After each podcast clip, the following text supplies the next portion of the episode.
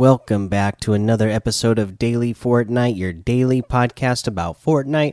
I'm your host, Mikey, aka Mike Daddy, aka Magnificent Mikey.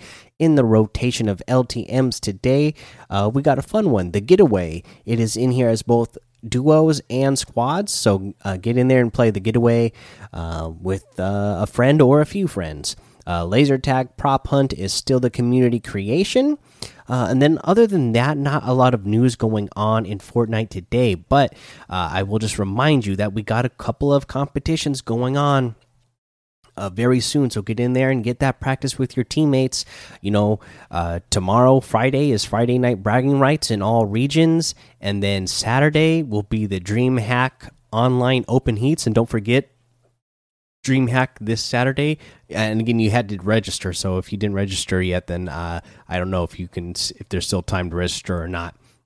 Uh, but uh, there is that is for duos. So if you did register for that, uh, you know, make sure that you are uh, getting your practice in, and then also Saturday. Uh, you know, we have solo cash cups as well. So make sure you are practicing for those. Uh, you know, for you uh, solo grinders out there, make sure you're practiced up and ready to go. Uh, and then uh, again, DreamHack should be fun to watch all this weekend, uh, Saturday and Sunday. Uh, should be good. Should uh, be a good, uh, fun weekend of competitive gaming going on in the world of Fortnite. Uh, we do have some new challenges, so let's go over our new challenge list. It looks like um, you need to shake down five opponents. Okay, that is your new challenge this week. Uh, sometimes to get answers you want wait sometimes to get the answers you want you need to get a little rough so shake down opponents five in total you need to shake down an io guard as well you need to find a hidden bunker you need to find the crashed plane's black box. You need to deal damage while in water, 200 in total. You'll need to emote at stone statues. You need to ride the steamy stacks and deal damage to a loot shark 500 in total. So that's the challenge list this week, and we will go ahead and go through some tips on how to get them done throughout the rest of the week. Uh, and because there's not a lot of news today, we can just head on over to today's item shop.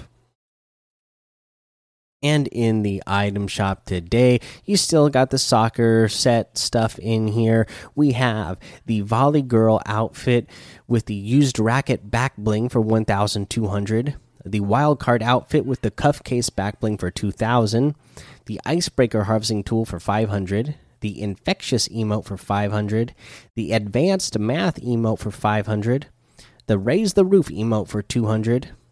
Uh, we have a new emote. You may have saw a teaser for this that Fortnite, their Korean Twitter page, put out this little video, and then uh, the English speaking Fortnite Twitter page put out a little reaction to it so that we could all see the video. And sure enough, yes, it was a teaser. That Gangnam Style emote, Pony Up and Ride, is here. 500 V Bucks. Man, this is such a huge song. Uh, you know, this is one that uh, me and my kids still listen to sometimes, and uh, get a little rowdy when we're when we're listening to that one. So that's a good one. 500 V bucks for that. We have the crystal outfit uh, in here for 800. The Bronto outfit with the Bronto bag back bling for 1,200. The pterodactyl glider for 1,200. The bite mark harvesting tool for 1,200.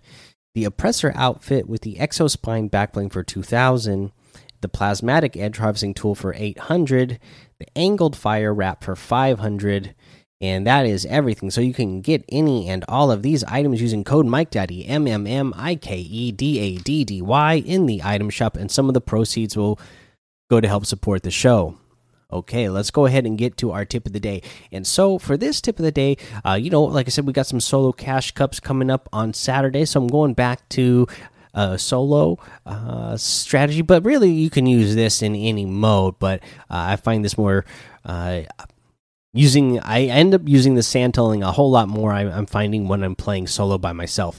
But when I'm talking about this tip is when you're when you are doing uh, the sand tunneling. So anytime you get close to a road or a river or some other object like that, you will pop up out of the sand.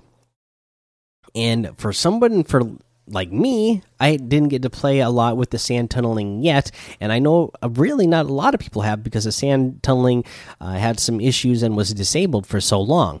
So maybe you don't know all the boundaries uh, down pat. You should really get familiar. Just you know, get familiar with going around the sandy area and sand tunneling, and know what like how close can you get to which boundaries of rivers and roads before it before you get popped out?